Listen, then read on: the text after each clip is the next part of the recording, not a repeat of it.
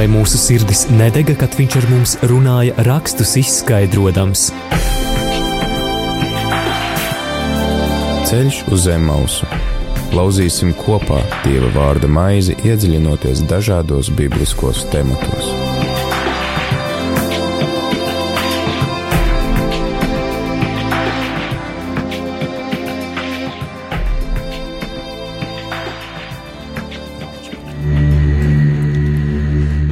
Esiet sveicināti, darbie radio Marija Latvijas klausītāji! Esiet svētīti savās darba vietās, savās mājās un arī ceļā esot. Šeit pie mikrofona es Māris Veliks 4.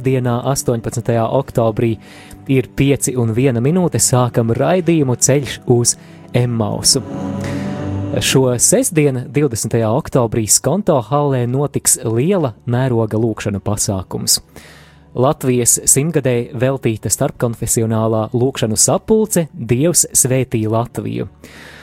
Lūkšanā par Latvijas garīgo atmodu tā sestdien no pulksten diviem vienos dažādu konfesiju kristiešus, un lūk arī ieklausīsimies, kas tad priesterim Andrim Kravalim ir sakāms par šo lūkšanu tikšanos.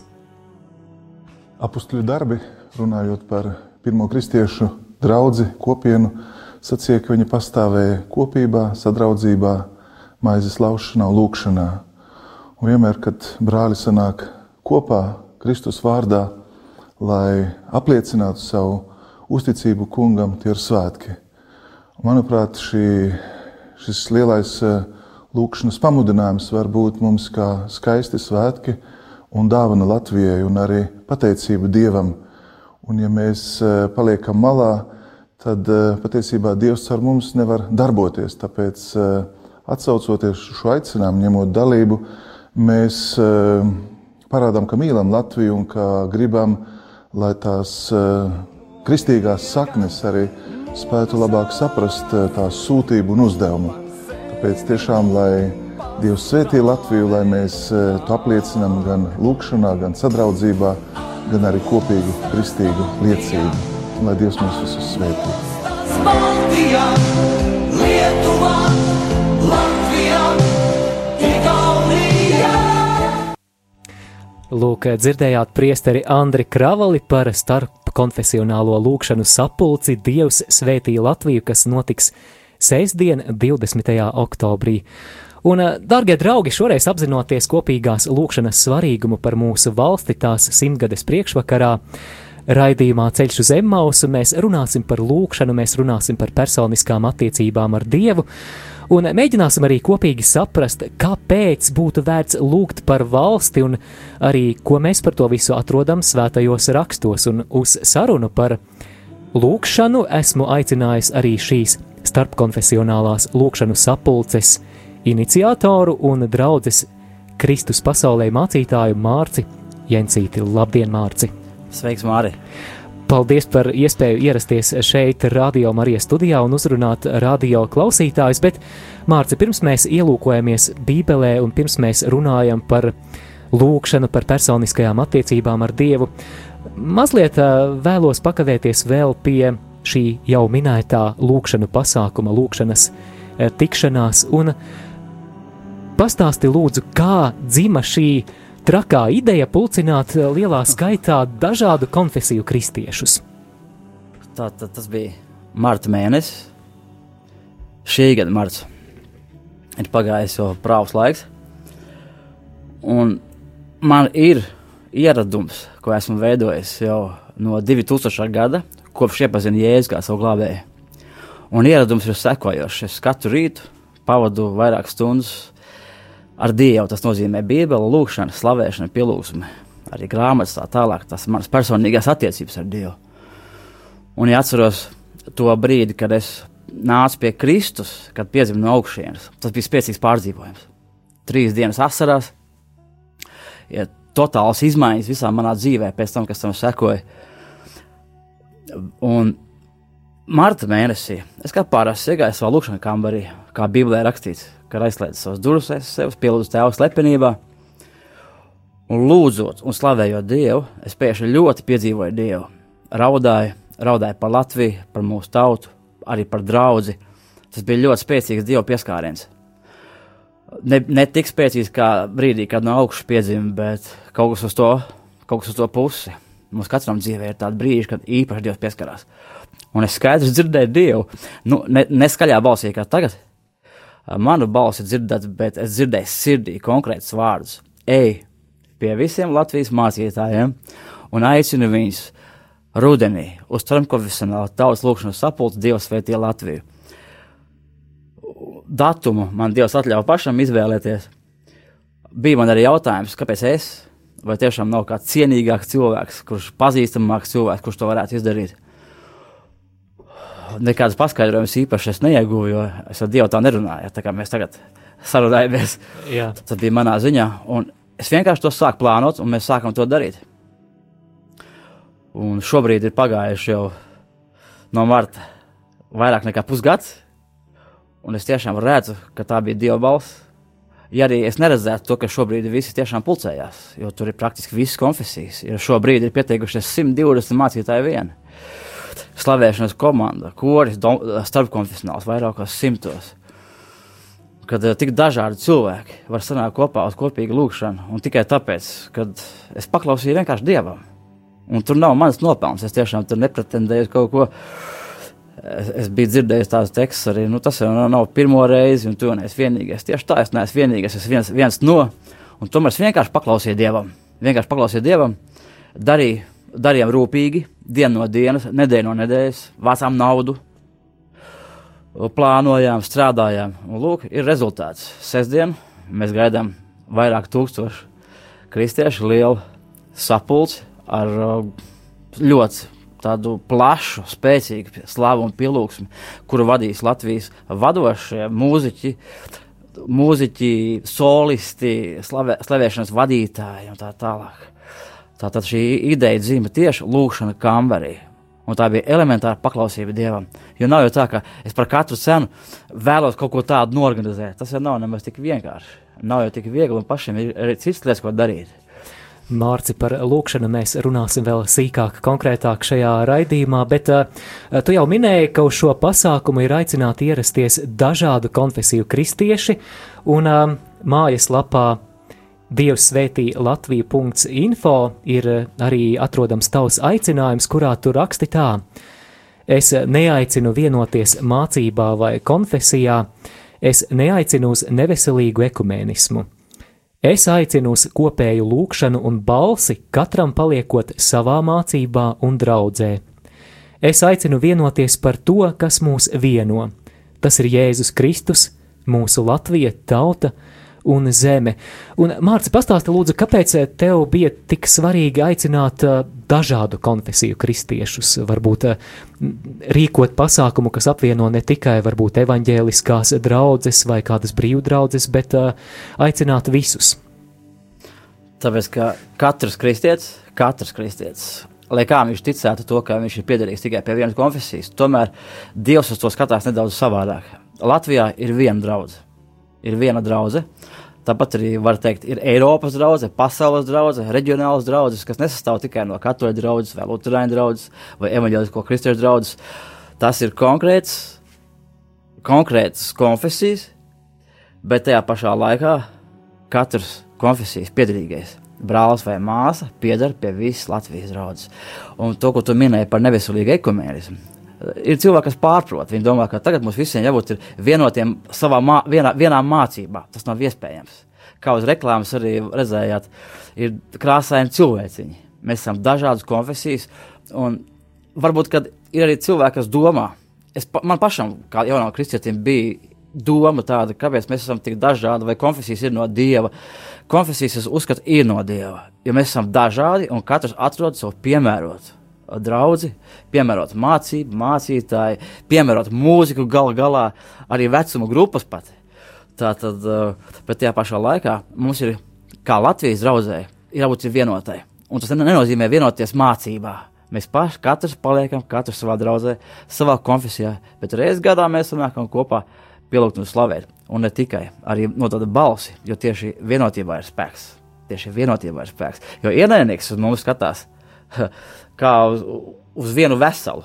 bet tikai mēs paši reizēm to negribam saprast vai atzīt, ka katrs skatāmies uz, uz savu tādu šauru mācību, uz, uz šauru virzienu. Bet, ja runa iet par Latviju, tur neviena draudzene pati par sevi to nevar paveikt. Tātad konkrēts izmaiņas cilvēku sirdīs un Latvijā, arī politikā, viena draudzene to nevar paveikt. To var paveikt tikai viss Kristus miesa kopumā. Un tāpēc ļoti svarīgi ir šī sapulce, ka mēs vienojamies kopīgajā pilsētā slavā.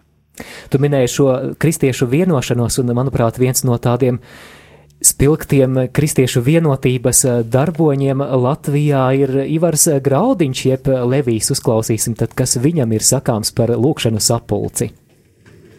Man un jums vajag vairāk dievu, vairāk Kristu, vairāk mīlestību. Un, kad mēs sanākam kopā, ka mēs parādām mīlestību viens uz otru, uz citiem ticīgiem, tad Dievs izlēja vairāk sevi un vairāk sētību. Es gribu to pats, to sētību baudīt. Es gribu, lai jūs to baudiet. Es aicinu jūs uz sapulci oktobrī. Sanāk kopā, lai Dievs ir liels mūsu vidū, mūsu valstī. Kad Dievs ir liels, tad mūsu problēmas, valsts problēmas, personīgās problēmas ir mazas ka mēs sanāksim kopā un Dievu slavēsim un lūgsim un uzrunāsim viens otru mīlestībā, tad Dievs vēl spēcīgāk darbosies Latvijā. Lai Dievs svētī Latviju un šo pasākumu un jūsu līdzdalību šajā pasākumā. Sirsnīga pateicība Ivaram Graudiņam, Raidījuma ievadā mēs runājam par eh, lūkšanu sapulci Dievs svētīja Latviju, kas eh, sāksies un notiks eh, sestdien 20.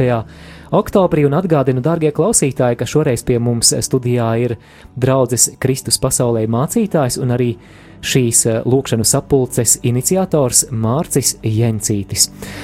Mārci, mēs jau sākām runāt par šo pasākumu pastāstīt vairāk varbūt klausītājiem par programmu, kas ir paredzēts un kā šis pasākums norisināsies? Tātad pasākumā pirmkārt viņam ir trīs mērķi. Trīs mērķi. Pirmais ir izaugsme, otrais ir lūkšana, vienota lūkšana, un trešais ir balss. Es tā īsumā par to Jā, paskaidrošu. Labi. Izaugsme nozīmē, ka katrai draudzēji viņai uzdevums ir augt ne tikai garīgi, bet arī skaitliski. Jo, ja mēs lūdzam, lai nāk Dieva valstība, tad kādā veidā viņi nāk caur atgrieztiem pie Dieva cilvēkiem. Tā tad, uh, un šiem pašām pirmām punktam ir papildus mērķis, ka mēs katrs paliekam, katrs savā draudzē, katrs savā konfesijā, un neņemamies ar tādu neveselīgu ekumēnismu. Vienā mācībā visi vienādi, tā kā nu, komunistu laikos bez maz. Ja? Un šāds pasākums nedrīkst traucēt pašas konkrētas draudzes vai konfesijas pašas izaugsmē, gan garīgai, gan skaitliskai. Tātad prioritāte ir katra lokāla draudzene. Tā ir prioritāte un izaugsme šajā draudzē. Katram tā ir personīga atbildība. Bet nākamais punkts, tas ir lūkšana vienota. Tas var veicināt katras draudzes izaugsmi. Tas var veicināt katras draudzes izaugsmi. Un arī trešais punkts. Otrais punkts ir vienota lūkšana. Par to faktiski daudz tur nebūtu jāstāsta. Tas ir skaidrs, ka tieši vienotai lūkšanai ir īpašs spēks un tieši vienotībai starp Latvijas draugiem. Vienotībai ir milzīgs spēks un īpaši lūkšanai. Un trešais ir vienotība balsī. Ir izveidots portāls par Latviju.CLV. Viņš tiks startēts. Nu, redziet, viņi var jau šobrīd, tur testa režīmā viņš darbojas.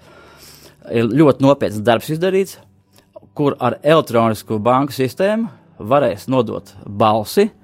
Ik viens Latvijas iedzīvotājs, līdzīgi kā mana balss.CLV portāls, kur jau, jau šo, šo sestdienu pulkstenis 14. sāksies pasākums, būs iespēja parakstīt ne tikai elektroniski, bet arī analogi, jeb uh, tiks izdalīts lapas ar petīciju par kristīgām un ģimenes vērtībām, kas šobrīd Latvijā ir apdraudētas.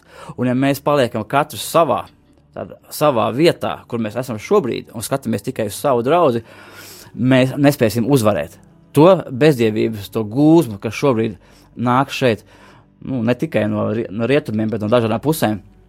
Un kā autors noteikti ir vēlams. Tas ir skaidrs, kas izmanto politiku, izmanto izglītības sistēmu un tā tālāk. Gendra ideoloģija, kas šobrīd popularizē Latvijā, un paldies Dievam, mums ir satversme joprojām, kurā ir 110. pāns, kur ģimenes vērtības un laulības ar vīrieti un sievieti ir pirmajā. Tātad tas, tas ir uh, satversmē. Un petīcija būs tieši, lai kas tiks iesniegts valdībā pēc tam par ģimenes vērtību un šo kristīgo vērtību saglabāšanu mūsu valstī. Un šis portāls balsošanas, tur varēs jebkurš Latvijas iedzīvotājs dalīties uz savus tīklos tā tālāk un parakstīt elektroniski. Tas bija liels darbs, arī vairāk mēnešu darbs, kas tiks palaists faktiski šo sestdienu. Tas ir pa trīs mērķiem. Šie trīs mērķi un visa, viss mērķis, virsmērķis ir Dieva svētīta Latvija. Protams. Mēs gribam dzīvot Dieva svētītā Latvijā, un mēs paši par to esam atbildīgi. Un pasākuma kārtība būs no diviem līdz septiņiem vakarā. No diviem līdz septiņiem vakarā. Samērā daudz, un tomēr es domāju, laiks paritēs nemanot. Sāksim ar himnu. Būs koris ap 400 cilvēku Sāksim tādu himnu, pēc tam sekos četras slavas un pielūgsmes dziesmas. Starp citu, būs neliels procents. 25% apmēram jauktas dziesmas. Tas nozīmē, ka būs arī krievu valoda, jo draudzene nesastāv tikai no latviešu runājošiem, bet arī no krieviski runājošiem brāļiem un māsām. Un vienotības un mīlestības vārdā šajā sapulcē paliksim malā politika, valodas, pacelsimies pārtām un pielūgsim Dievu. Pēc tam sekos ziņojumi, sekos arī ziedojums. Protams, obligāti tiks vākts. Katram mums ir atbildība. Katram vienam atbildība ir arī par šo pasākumu, par šo visu procesu. Pēc ziedojuma būs vēl divas pielūgsmes dziesmas, kam sekos apmēram divu stundu garumā biskupu, arhibīskapu un pārstāvju īsas uzrunas un lūkšanas no skatuves. Pēc lūkšanām sekos atkal četras dziesmas, slava pielūgsme, kurs un tā tālāk. Un 15 minūtes pēc dziesmām šīm, pēc slavēšanas, 15 minūtes skanēs evaņģēlijas. Jo reklāma mums ir visā Rīgā izplatīta, un ne tikai. Gan flyeri paskatās visā Rīgā, ir lielie afišu stendi, ir arī afišas, uz afišu stabiem mēs gaidām arī gan nominālās kristieši, kas varbūt ļoti sen nav bijuši draugi, kas varbūt ir atkrituši no dieva, cilvēki, kas vispār dievu nepazīst, un tāpēc būs aicinājums arī pie Kristus.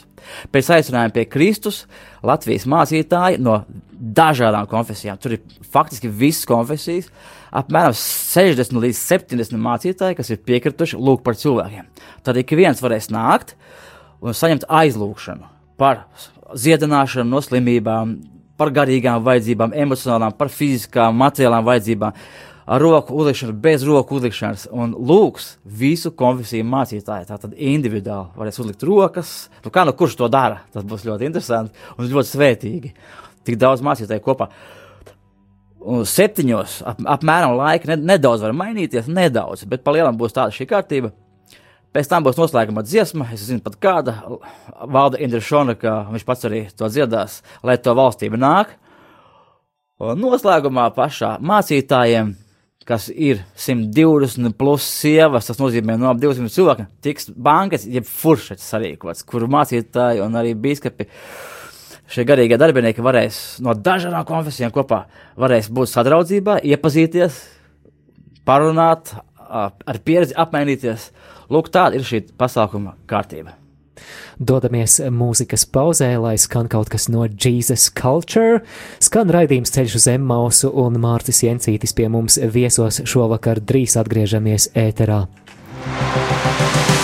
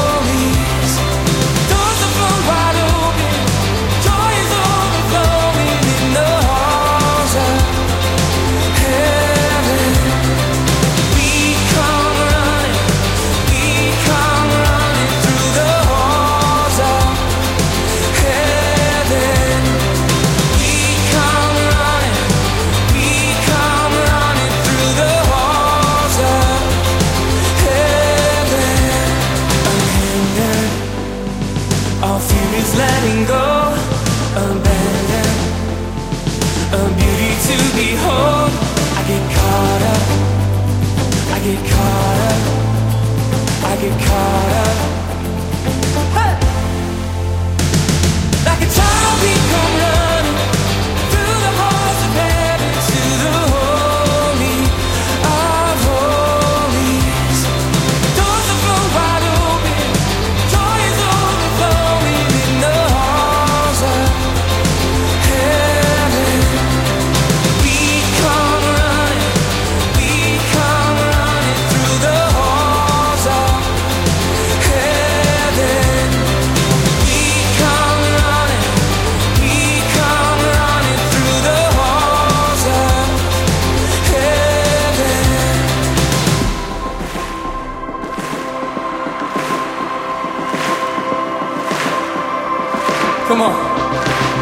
Tonight we're here to meet you face to face.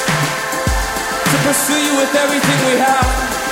Because we know that when we worship, you show up.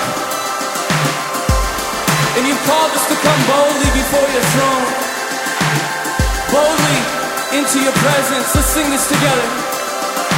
Face to face.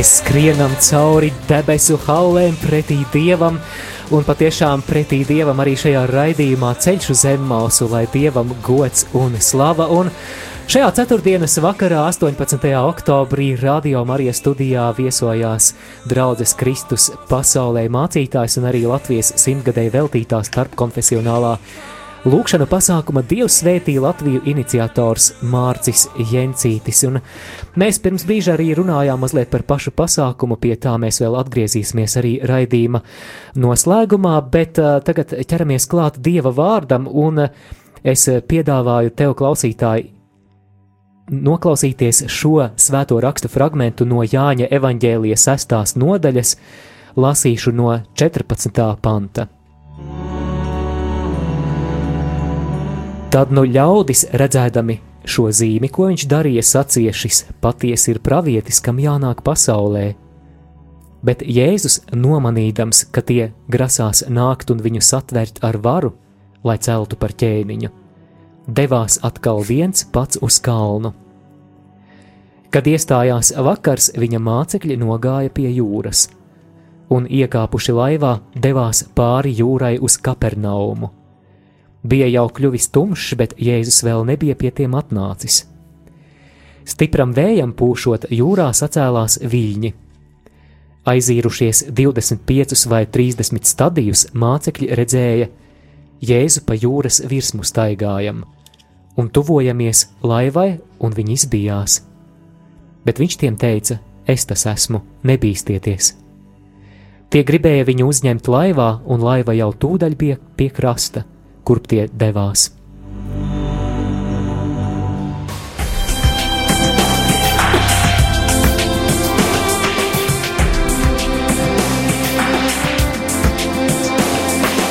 Ceļš uz zem mausu katru ceturtdienu, pulkstens 17.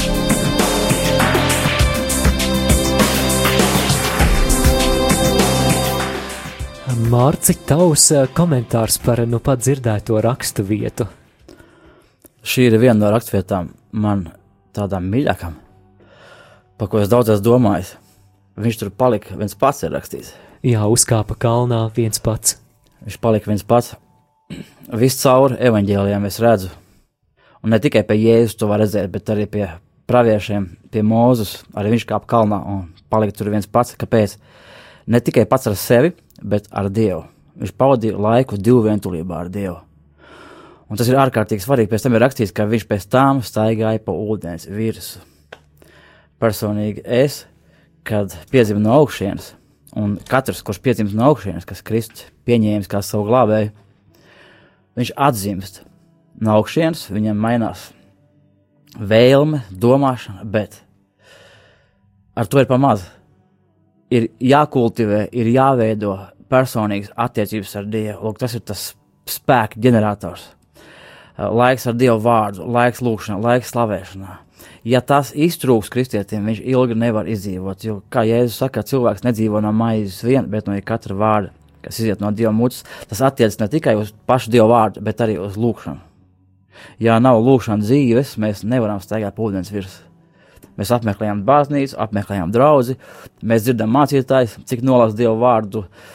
Mēs dzirdam kaut kur, varbūt rādio, labākā gadījumā. Šādi tad tur reizi mēnesī atveram Bībeli, varbūt ar to ir gauži par mazu.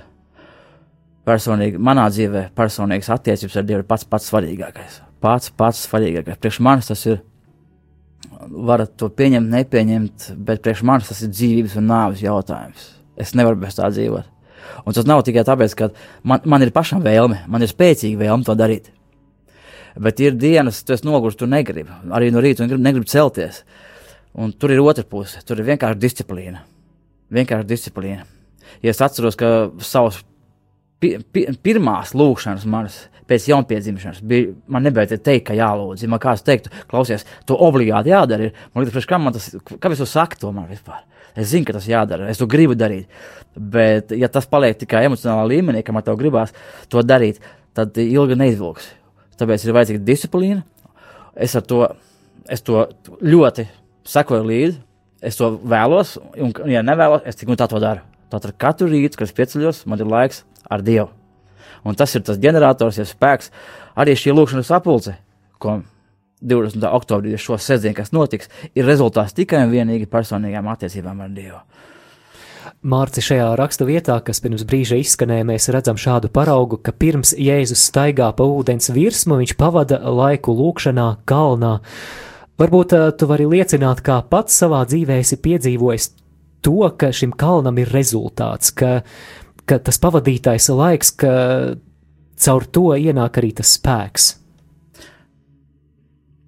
Liecināt par tādu konkrētu gadījumu, varbūt man būs pat grūti tagad tā visu savilkt, atrast kaut ko konkrētu, bet visa mana dzīve, visa Jā. mana dzīve, arī draudzes, starp citu, tas ir brīnums. Desmit gadus atpakaļ es praktiski viens ar dažiem cilvēkiem, mēs iesākām draugu Rīgā. Un tas ir tas, ka vispār es to iesāku. Arī tas ir rezultāts. Uzrīkstējos kaut ko tādu darīt. Arī tas ir lūkšanas rezultāts. Un desmit gadu laikā draudzene ir izaugusi jau uz pustūkstošu cilvēku, pārsvarā jauniešiem. Un tas nav sarakstos, tas nav kaut kur uh, ruļļos baznīcas, bet tie ir reāli cilvēki katru nedēļu, kas atnāk uz draugu. Reāli. Ja mēs rēķinātu ruļļos, tad tur jau būtu vairākos tūkstošos, un tas ir brīnums.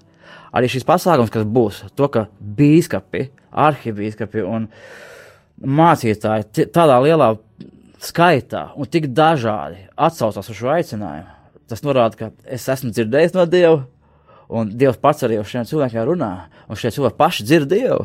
Un tas ir rezultāts. Ši, es uzskatu, tie ir brīnumi.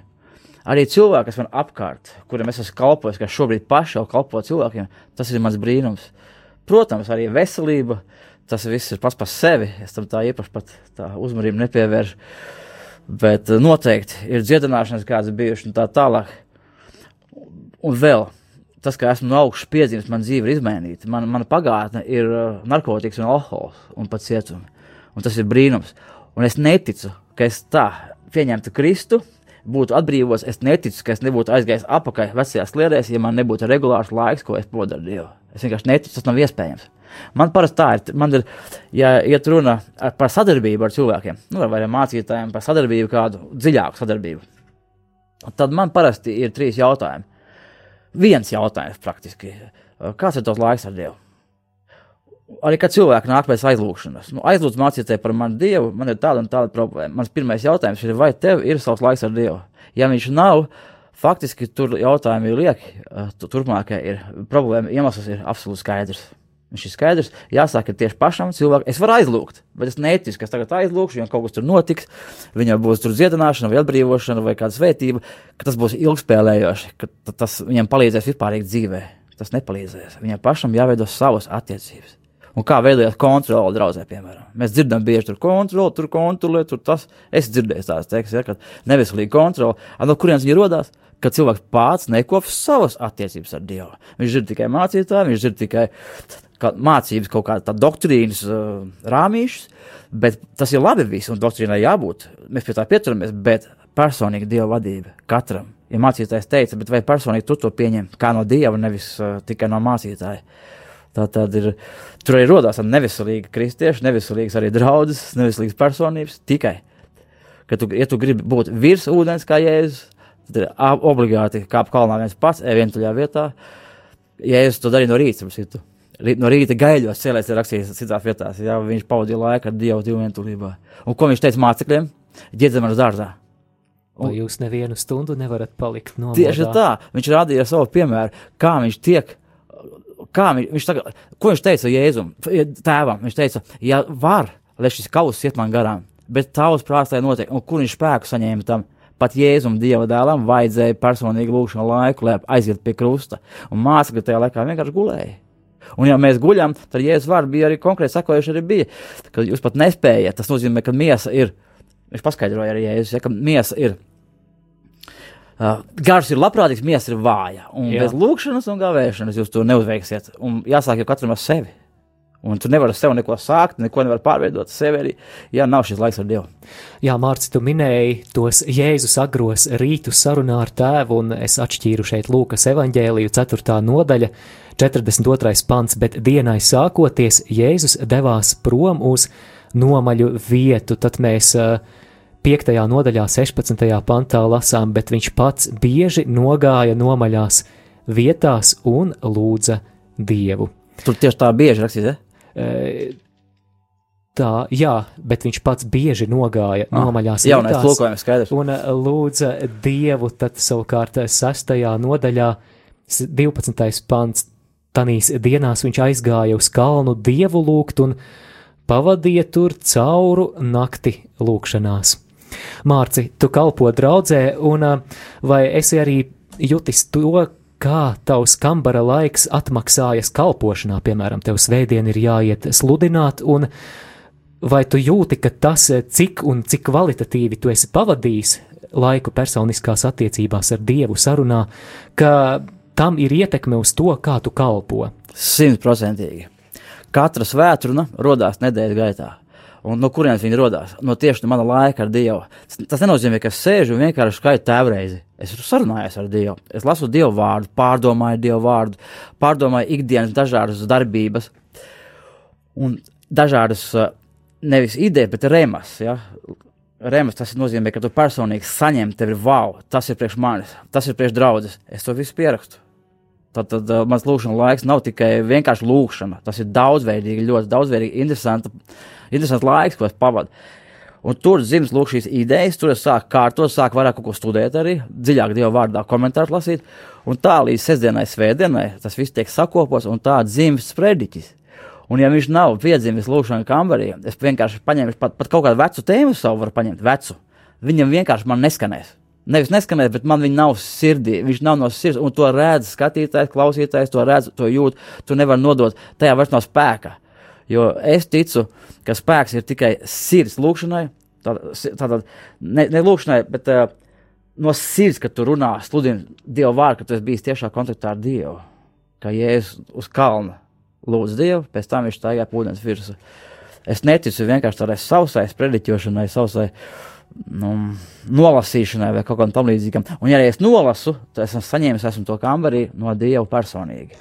Ja tas nav mans personīgs, tas ir cita domas vienkārši, kas nav mans, tad uh, tas nestrādā. Tas nerada izmaiņas cilvēkos.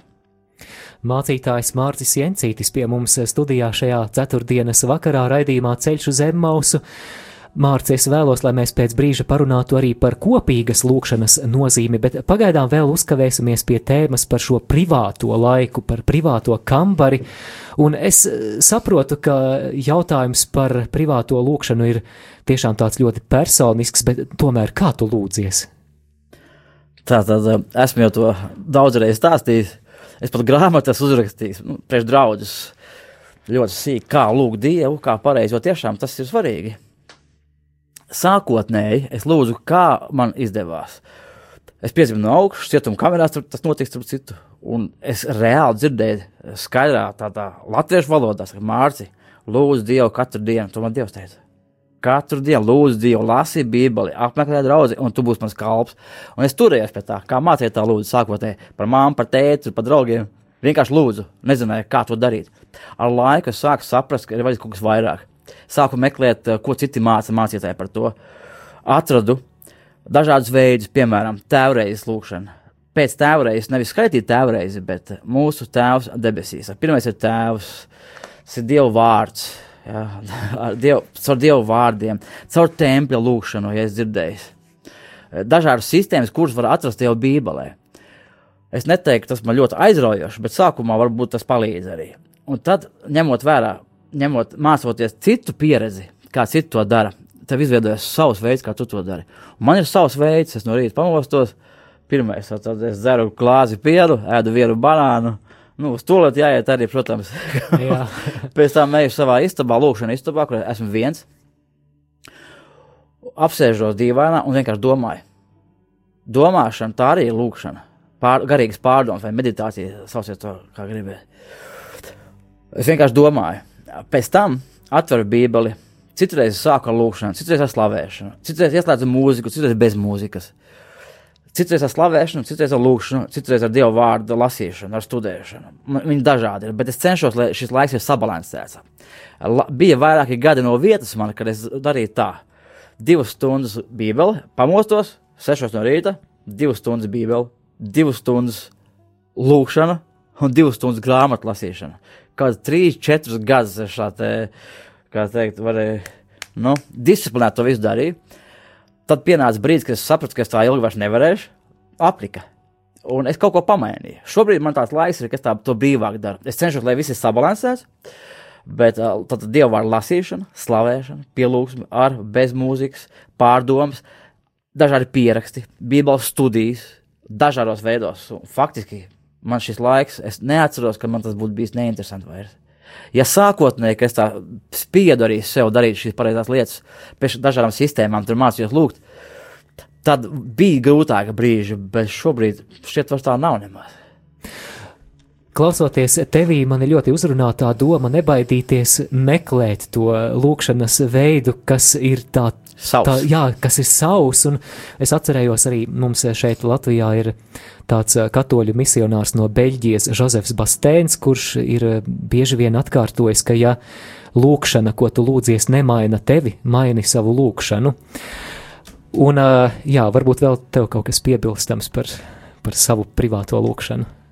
Man ļoti patīk tā tēze, ko tikko tu pateici. Jā, jā atkārto arī. Ja tu jūti, ka tava lūkšana tevi nemaina, tad maini savu lūkšanu. Lūk, tas bija tieši tas, ko tu paskaidroji, par ko es arī runāju. Ka ne, ir ļoti bīstami nepārtraukti lūgt vienu to pašu lūkšanu, vienā un tajā pašā formā. Tas kļūst neinteresanti, smagi, emocionāli smagi kļūst, un ir obligāti kaut kas jāmaina. Ir jāmaina lūkšanas veids, pēc kaut kāda laika tu atkal vari atgriezties iepriekšējā. Bet to pašam jāsaprot, lai tev ir interesanti, lai tev ir sirdī tas viss. Citādi tas viss, ja tur nav klāta emocijas, tas ātri apdzisīs. Jā, Mārcis, bet eh, tev negadās tādi brīži, kad jebkurš lūkšanas veids šķiet kā darbs. Ir kaut kāds sausuma posms iestājies, kad uh, tev ir baigi jāpārvar sevi, lai tu atgrieztos tajā lūkšanas vietā. Man liekas, ir tā, ka man vairāk patīk lasīt Bībeli nekā lūgt. Bet šis laiks man ir viens un tas pats. Bībele, lūkšana, tad Bībele, Dievs ar mani runā, lūkšana, es ar viņu runāju. Sanāk. Un, pff, ja es lasu Bībeli, man nekad nav neinteresanti. Par lielu nekad nav neinteresanti. Lūkšanās ir, ir reizēm, bet tādos gadījumos es vairāk lasu Bībeli. Tādos gadījumos, manā, manā gadījumā. Studijā pie mums draudzes Kristus pasaulē mācītājs Mārcis Jencītis dodamies mūzikas pauzē, esmu izvēlējies lūkšanu, dziesmu par lūkšanu, par tēmu, par kuru mēs runājam, Power when we worship, tad, kad mēs slavējam, tad Dievs atraisa savu spēku, pēc tam atgriežamies ēterā un, dārgo klausītāji, ja klausies šo raidījumu tiešraidē ceturtdienā 18. oktobrī, tad nekautrējies iesaistīties ēterā, Zini, ka telefona līnijas ir atvērtas, numurs ir 67, 969, 131.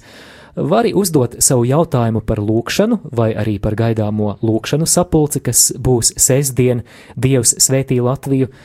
Varbūt tev ir kādas pārdomas vai komentārs, tad droši zvani, vai arī vari savas pārdomas vai jautājumu mācītājam Mārcim uzrakstīt īsiņas veidā.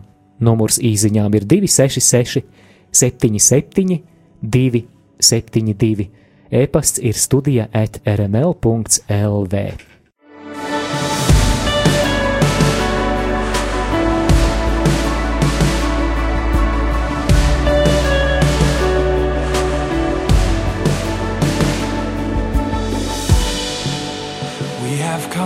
To seek your face.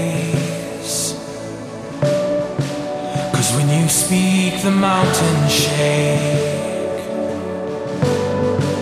And atmospheres begin to change. Speak now, speak now. We lift up a holy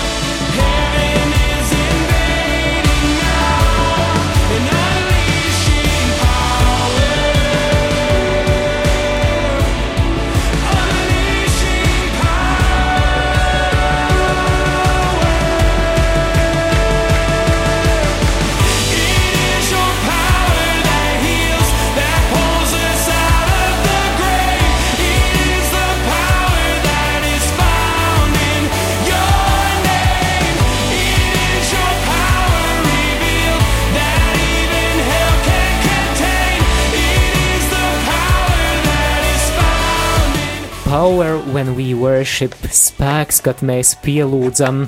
Kopīga lūkšana atraisa spēku, un mēs raidījuma turpinājumā parunāsim par kopīgās lūkšanas spēku un rakstu vieta, kuru es vēlos tev klausītāji nolasīt, atrodama apustuļu darbu grāmatas 4. nodaļā. Sākot no 23. panta, atlaisti tie devās pie savējiem un vēstīja, ko virspriesteri un vecie tiem bija sacījuši. To dzirdējuši visi vienprātībā skaļi sauca uz Dievu. Valdniek, tu, kas esi radījis debesis un zemi un jūru un visu, kas tajā, tu caur sava kalpa mūsu tēva Dāvida muti svētajā garā esi sacījis, kādēļ satrakojušās tautas un ciltis perina nelietību. Sacēlušies ir zemes ķēniņi, valdnieki sadevušies kopā pret kungu un viņa svaidīto jo patiesi Herods un Poncijas Pilāts ar pagāniem un Izrēla ļaudīm ir šajā pilsētā sadevušies kopā pret tavu svēto kalpu Jēzu, ko tu esi svaidījis. Tie apvienojušies, lai darītu to, ko tava roka ir gribējusi un kas jau iepriekš bija tavs nodoms, ka tam tā jānotiek. Redzi, kungs, kā viņi tagad draud. Dod saviem kalpiem droši runāt tavu vārdu, lai tava roka izstiepjas dziedināt un zīmes un brīnumi, lai notiek caur tava svētā kalpa Jēzus vārdu. Kad viņi bija beiguši lūgt, vieta, kur viņi bija sapulcējušies, nodrebēja, un visi kļuva svētā gara piepildīti un droši teica Dieva vārdu. Amen. Brīnišķīga raksturvieta, un tas ļoti sajiet kopā ar sestdienas pasākumu, kur pirmais mērķis ir izaugsme. Notika vajāšanas pie šīs raksturvietas, bija vajāšanas. Šobrīd Latvijā nav izteikti vajāšanas, un par tādām vajāšanām, par ko Bībelē runā, vispār netuvu. Taču, ja mēs nebūsim vienprātīgi un nepastāvēsim par kristīgām vērtībām savā valstī, arī par ģimenes vērtībām, tad šīs vajāšanas pienāks un ātriem soļiem pienāks, ka draudzē, draudzē nāksies darboties pagrīdē. Tas ir jau bijis, tas atkal var būt. Spēki, sātaniski un politiski, kas ir vērsti pret draugu, viņi ir, viņus ir jānovērtē. Jo arī šajā raksturvietā tur ir skaidri rakstīts, ka viņi bija vajāšanas, viņi tika arestēti, viņi tika pat pārmācīti, viņi nāk pie saviem, un viņi vienprātībā lūdz Dievu. Un par ko viņi lūdz? Viņi pirmkārt ir vienoti, draugi ir vienoti, tas ir pirmkārt. Un otrs, viņi lūdz, lai Dievs dod drosmi sludināt un tad nodarbs zeme, un pēc tam viņi visi iziet un ar drošu sirdi runā Dieva vārdu. Vienotā lūkšanā ir ārkārtīgi liels spēks. Un mums nav jākoncentrējas uz to, lai gaidīsim, kad zeme nodarbēs. Mums tiešām ir jālūdz spēks, mums ir jālūdz par vienotību, jālūdz par Latviju, par savu zemi, par valdību, par savu tautu ir jāiestājās. Un ne tikai jālūdz, ir, ir arī jāsaka savs vārds, mūsu nostāja, ir jāpauž publiski un arī valdībā jāpauž ir sava nostāja par dažādiem procesiem mūsu valstī, kas nebūtu neliecina par to, ka šie procesi, kas notiek, ka, ka gender ideoloģija un tam līdzīgi procesi, ka tas tiešām stiprinās mūsu valsts. Tas tieši otrādi mazina dzimstību, sa, jau tā mūsu skaidrs, ka mazo tautu vēl padara vēl pelēkāku, vēl sašķeltāku un tā tālāk. Un mums par to ir jāiestājas. Un es ticu, ka arī pie šīs sapulces, ne tikai pie šīs vienas, bet vispār gan šīs sapulces, gan kas viss tālāk turpināsies pēc tās, tas dos drosmi draugiem runāt, sludināt. Un ja ticība nāk no sludināšanas. Un, ja mēs sludinām, tad cilvēki atgriežas. Un, ja mēs runājam tautā un runājam valdībā, tad mūs var arī uzklausīt. Mārci pirms brīža aizkadrā tu arī minēji vēl kādu rakstu vietu saistībā ar kopīgas lūkšanas spēku, un Šī raksturvieta atrodama apakstuļu darbu 12. nodaļā. Herods ir apcietinājis apakstuli Pēteri, un 5. pantā mēs lasām, kamēr Pēteris tika turēts cietumā, draudzene nemitējās dedzīgi lūgt par viņu dievu. Naktī pirms Herods gribēja viņu vest tautas priekšā, Pēteris divām ķēdēm saistīts gulēja starp diviem kareiviem, un cietumsargi stāvēja sardzē pie durvīm un redzi, kunga eņģelis nostājās blakus un gaisma apspīdēja visu telpu. Eņģelis piebakstījis Pēterim sānos, modināja to sacīdams: Celies ātri, un ķēdes nokrita no viņa rokām. Ja mēs, eh, Mārci, tagad eh, palūkojamies uz Latvijas situāciju, jo šī lūkšana, šī lūkšanas sapulce ir veltīta aizlūgamam par mūsu zemi, par mūsu valsti Latviju, un ja mēs eh, šo rakstu vietu mazliet tā varbūt metaforiski attiecinām uz Latvijas situāciju, vai tu redzi kādas jomas Latvijā, kuras ir it kā sasaistītas, kura, kur ir nepieciešama izlaušanās caur lūkšanu? Ģimenes jautājums pavisam noteikti draudzē es saskaros, tas nav, nav tas, ko kaut kur masu mēdījos es lasu. Masu mēdījos ļoti maz atspoguļo šos procesus, bet, um, piemēram, draudzes māmiņa jauna, viņa atnāk pie manis un saka, es man, man savu bērnu palaidu bērnu dārzā. Tagad tas notiek. Un mums jau brīdināja, lika parakstīties par to, ka bērniņam vienu reizi gadā būs jānāk pretējā dzimuma drēbēs uz uh, bērnu dārzu. Es dzirdu, mums ir studenti, mums ir skolotāji arī ar izglītībām un ar tādu nopietnu darbu. Viņi saka, darbus, kurā vārds Dievs minēts, viņus cenzē un neļauj izglītības materiālu vairs vispār publicēt. Tas viss notiek Vācijā, kas ir ļoti ekonomiski plaukstoša valsts. Tajā pašā laikā tur dzimstība un šī demogrāfija ir gandrīz tāda pat kā Latvijā. Tā tad ne jau problēma ir finansēs, ne, ne ekonomikā. Problēma ir garīga problēma. Un vēlna mērķis ir, diemžēl, caur cilvēkiem, ir iznīcināt ģimenes modeli un izstumt dievu kā nemodernu, veclaicīgu parādību un draugu. Līdz ar to ir karš pret draugu, karš pret dievu un kā pret valsts, pret cilvēku.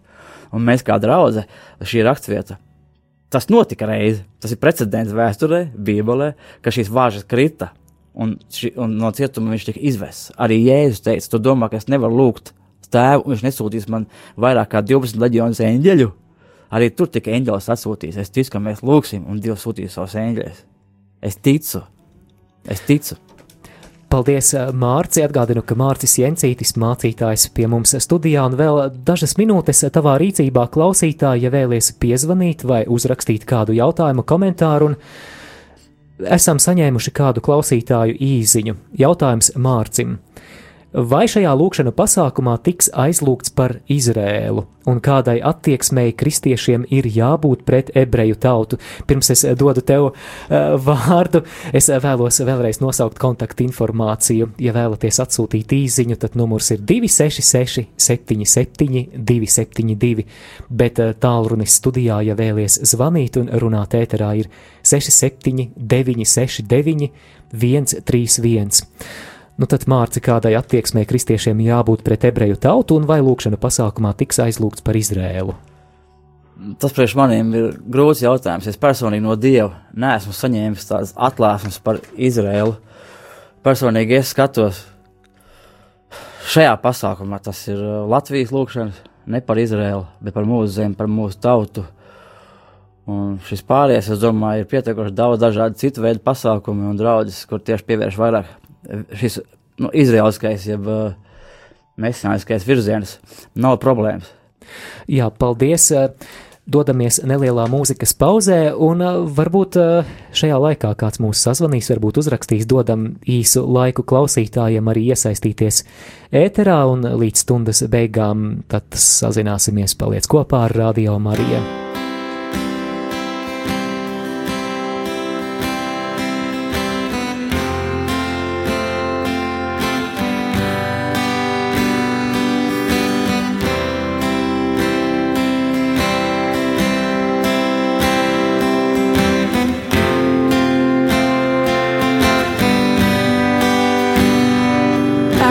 To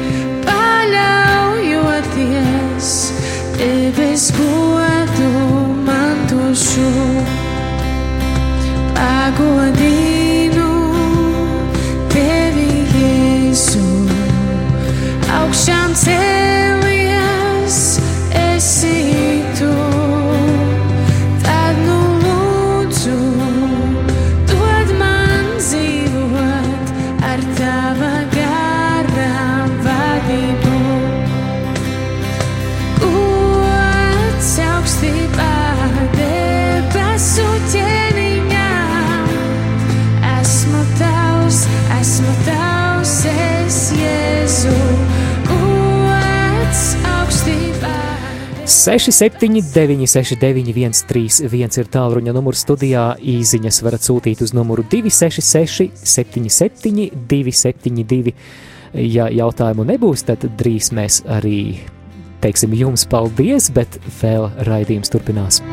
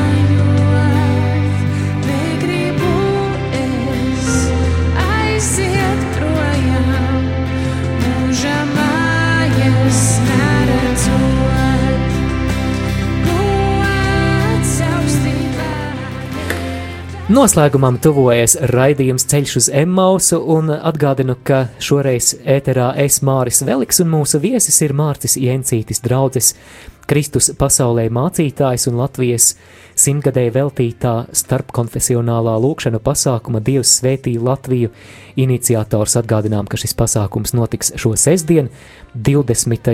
oktobrī, sākums ir pulksten divos un norises vieta ir Skonto halle, bet raidījuma noslēgumā pavisam īsa lūkšana par radio klausītājiem. Debes Tēvs, es Jēzus Kristus vārdā. Es lūdzu par katru vienu, kas šobrīd dzird tavu balstu Dievs. Jēzus Kristus vārdā. Es lūdzu aizskar, lai katrs viens meklē tavu vaigu, tavu tūmu, mans Dievs. Lai katrs viens veltīja laiku no rīta vai citās dienas posmos, vai naktī laiku Bībelē, tavam vārdam, laiku lūkšanai, slavai un pielūgsmai, individuāli un personīgi. Debes Tēvs, es lūdzu Jēzus Kristus vārdā, aizskar katru vienu, kas cieš no slimībām. Es pavēlu aiziet slimībām, es pavēlu aiziet galvas sāpēm, es pavēlu kauliem iztaisnoties, mugurkauls kriemeļiem ieņemt tādu vietu un formu, kā tu Dievs esi radījis. Es pavēlu aiziet migrēnas sāpēm, es pavēlu aiziet kakla vīrusam Jēzus Kristus vārdā. Un paldies Dievam, ka šajā brīdī tu aizskar un dziedini. Es pateicos Dievam, ka tu dziedini no kūņa čūlas, ka tu aizskar un dziedini nieras Jēzus vārdā. Paldies Dievam, ka tu esi mūsu ārsts, ka tu esi mūsu dziedinātājs. Āmen!